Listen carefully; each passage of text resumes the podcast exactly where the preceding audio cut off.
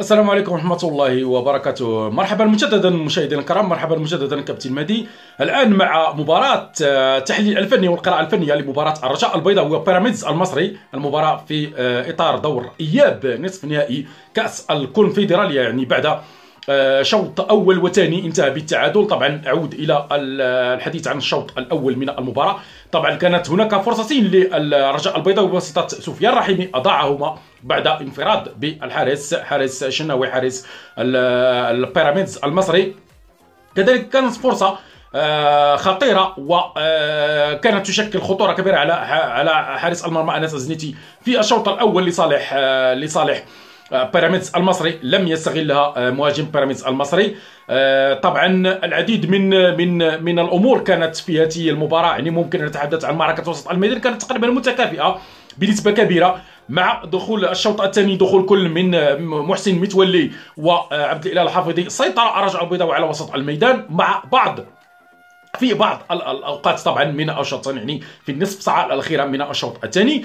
طبعا لكن لم تكن هناك فرص خطيرة للرجاء البيضاوي باستثناء باستثناء تقريبا فرصة فرصة أو فرصتين على الأقل فرصة محققة للتسجيل أضعها أضعها سفيان الرحيمي. ولم تكن فرص كبيرة لم تصل كرات كثيرة وخطيرة لبيل مالونغو المهاجم الكونغولي الخطير وهداف البطولة. آه للرجاء البيضاوي بين مالونغو لكي يترجمها إلى أهداف. طبعا العديد من اللاعبين أدوا اداء جيدا في على مستوى خط وسط الميدان مثل مثل العرجون مثل زكريا الوردي الذي استبدل الذي لم استبدل العرجون لم يستبدل يستبدل زكريا الوردي.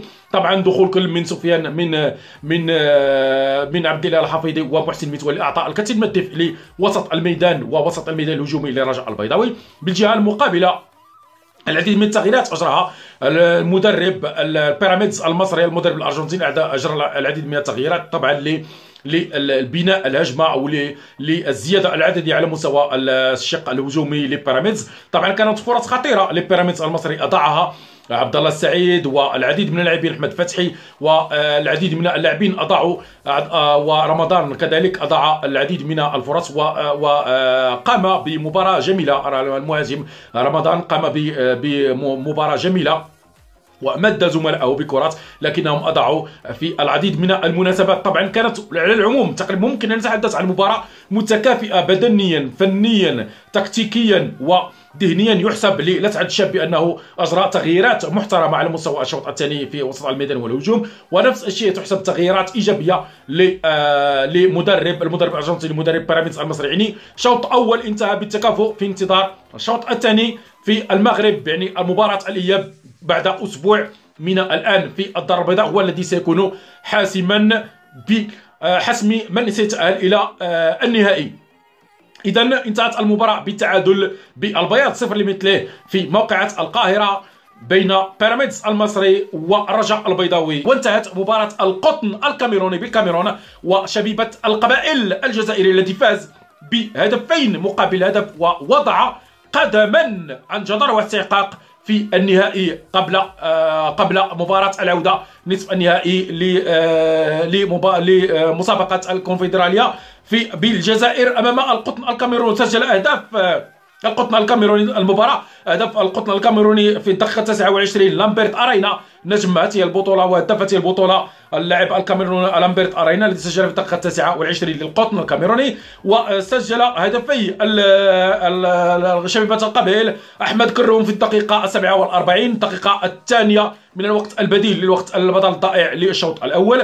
وسجل ضد مرمى اللاعب بيير فرانسوا ماتامبا في الدقيقة التاسعة في الدقيقة الثانية والستين ضد مرمى ضد مرمى القطن الكاميروني لصالح شبيبة القبائل هذا هو هدف الفوز لشبيبة القبائل الذي سجل هدفين وانتصر في هذه المباراة ووضع قدما في النهائي بانتظار المباراة تأكيد ذلك بانتظار مباراة الإياب. وصلنا إلى مرحلة الجولة الثالثة من دور المجموعات في إطار مسابقة اليورو 2020 والتي تقام كما قلنا منذ البداية على العديد من الملاعب بأوروبا.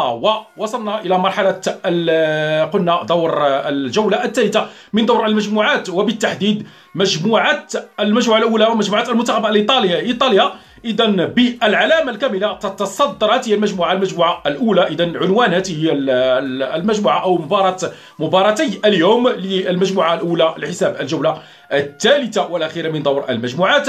إيطاليا تتصدر في بتوهج كامل وبالعلامة الكاملة بتسع نقاط. هذه المجموعة بعد فوزها بهدف نظيف على ويلز وانهيار كامل وسقوط كبير تركيا اذا تخرج بخفي حنين تخرج صفر لدين من هذه الدورة دورة يورو 2020 علامه تساؤل كبيره على المنتخب التركي لإعادة ترتيب الأوراق فيما بقي من الاستحقاقات المقبلة. اذا إيطاليا انتصرت بهدف مقابل لا شيء أمام المنتخب الويلزي بهدف اللاعب ماتيو باسينا في الدقيقة 39 المنتخب الإيطالي لعب كرة آه، يعني محترمة على الشوطين كان آه، محصنا للمناطق الدفاعية وسط الميدان كان متوازنا الهجوم كان يقوم بحملات هجومية بمرتدات هجومية جميلة جدا. أما المنتخب الويلزي فعانى في الكثير من الأحيان خصوصا في على وسط الميدان والهجوم لم يقوم بهجومات خطيرة على آه، حراسة مرمى المنتخب الإيطالي.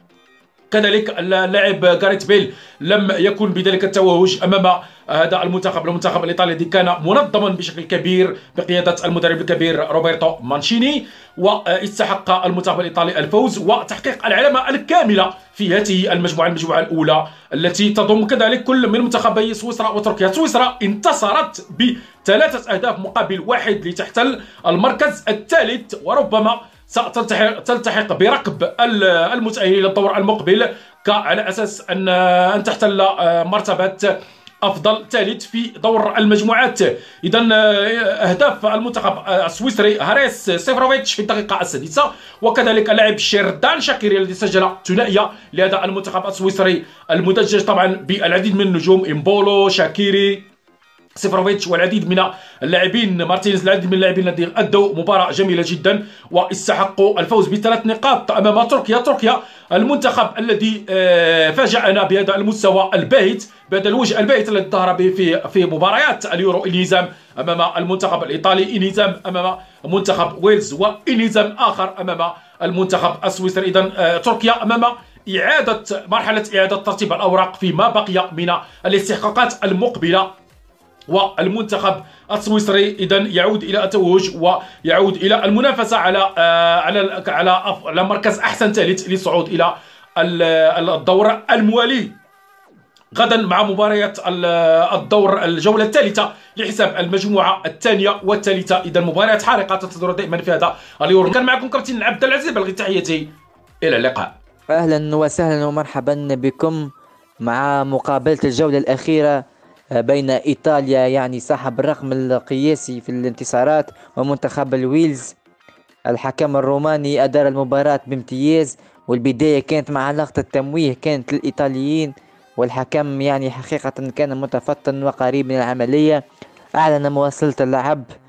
الحكم يعني حقيقة كابتن صاحب شخصية قوية وأثبت ذلك في التعامل مع اللاعبين. لا مجال للنقاش في عدد اللقطات. وكان دقيق في قراراته.